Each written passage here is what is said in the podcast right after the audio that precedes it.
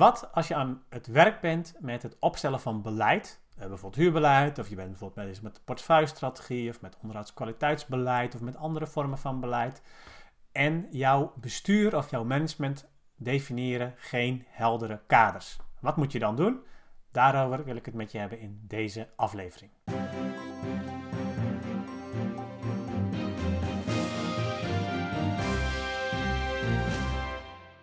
Ja, als je geen heldere kaders hebt voor jouw huurbeleid of voor je portefeuillesturing of voor je onderhoudskwaliteitsbeleid of ja, wat voor soort beleid je binnen je corporatie ook maar mee bezig bent, ja, dan is natuurlijk de grote vraag van waar begin je überhaupt? En als je dan aan de slag gaat, ja, dat leidt toch vaak tot een beleid met heel veel ja, open eindjes. En met allerlei ja, veel te vage formuleringen eigenlijk om iedereen maar een beetje tevreden te houden. En dat kan eigenlijk nooit echt goed leiden ja, tot een goed uitvoeringsplan of tot een goede uh, onderlegger om ook daadwerkelijk in de begroting te vertalen. Als je bovendien dat echt ook scherp gaat doorrekenen, wat je dan allemaal hebt beschreven en uh, wat het dan allemaal gaat kosten, ja, dan kom je waarschijnlijk tot de conclusie dat dat helemaal niet kan, iedereen tevreden houden. Dus, nou wat moet je dus doen? Hè, dus met andere woorden, hoe kun je er nou voor zorgen dat die kaders voor jouw beleid scherper vooraf gedefinieerd worden? Het liefst natuurlijk al in je ondernemingsplan, maar als dat niet gelukt is in het verleden, ja, zorg er dan voor dat je toch ja, eigenlijk een, een, een verscherping, een aanscherping van je ondernemingsplan hebt, specifiek gericht op jouw beleid, zodat je daarmee aan de slag kunt. dus als, je gaat, als het gaat over het huurbeleid, dan moet je een aanscherping hebben op het onderdeel van de betaalbaarheid. En dat kun je eigenlijk op twee manieren doen. Hè. Je moet eigenlijk je bestuur of je management of wie je daarvoor ook maar moet aanspreken. Dat kan natuurlijk ook je RVC zijn. Maar die moet je aanspreken op het maken van heldere keuzes. En je moet ze daarbij misschien ook wel een beetje voor het blok zetten.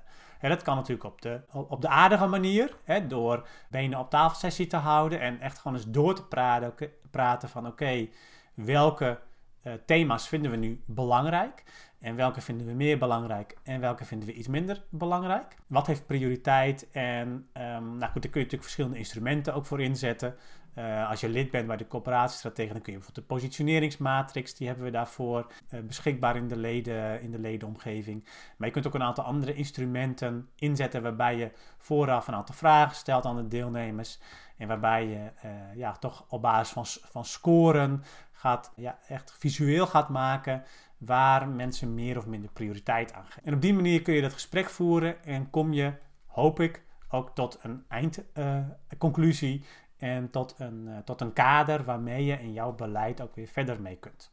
Als dat niet lukt, dan kun je het ook nog op een iets gemeenere manier gaan doen. Dan kun je natuurlijk als beleidsmaker eerst gaan kijken van oké, okay, ik een, kan ik een aantal scenario's gaan doorrekenen.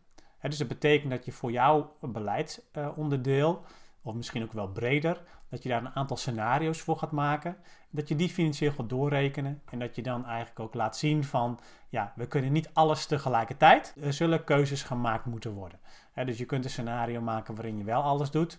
Nou dan zie je natuurlijk ratio's die, die niet in de buurt komen van uh, wat het zou moeten zijn volgens externe toezichthouders. Um, en dan kun je natuurlijk ook scenario's gaan maken van wat nu als we zo kiezen, wat nu als we zus kiezen. En op basis daarvan ja, wordt dan natuurlijk pijnlijk duidelijk dat niet alles kan en dat er wel keuzes gemaakt zullen moeten worden. Ja, en dan zul je natuurlijk alsnog dat gesprek moeten voeren van oké, hoe gaan we er dan voor zorgen dat het wel kan binnen de ruimte die we hebben. Nou, ik wens je daar heel veel succes mee. Uh, zorg in ieder geval altijd dat je die kaders scherp krijgt, want anders dan, uh, ja, dan ga je een beleid schrijven wat uiteindelijk nooit uitgevoerd wordt. Of wat dusdanig algemeen blijft dat je er eigenlijk in de organisatie verder niet zoveel aan hebt en niet zoveel mee kan. En dat is natuurlijk zonde. Bedankt voor het luisteren naar deze podcast. Wil je nieuwe afleveringen ontvangen? Abonneer je dan op deze podcast. En kijk ook eens op onze website corporatiestratege.nl voor meer praktische tips en downloads die jouw werk als corporatiestratege makkelijker maken.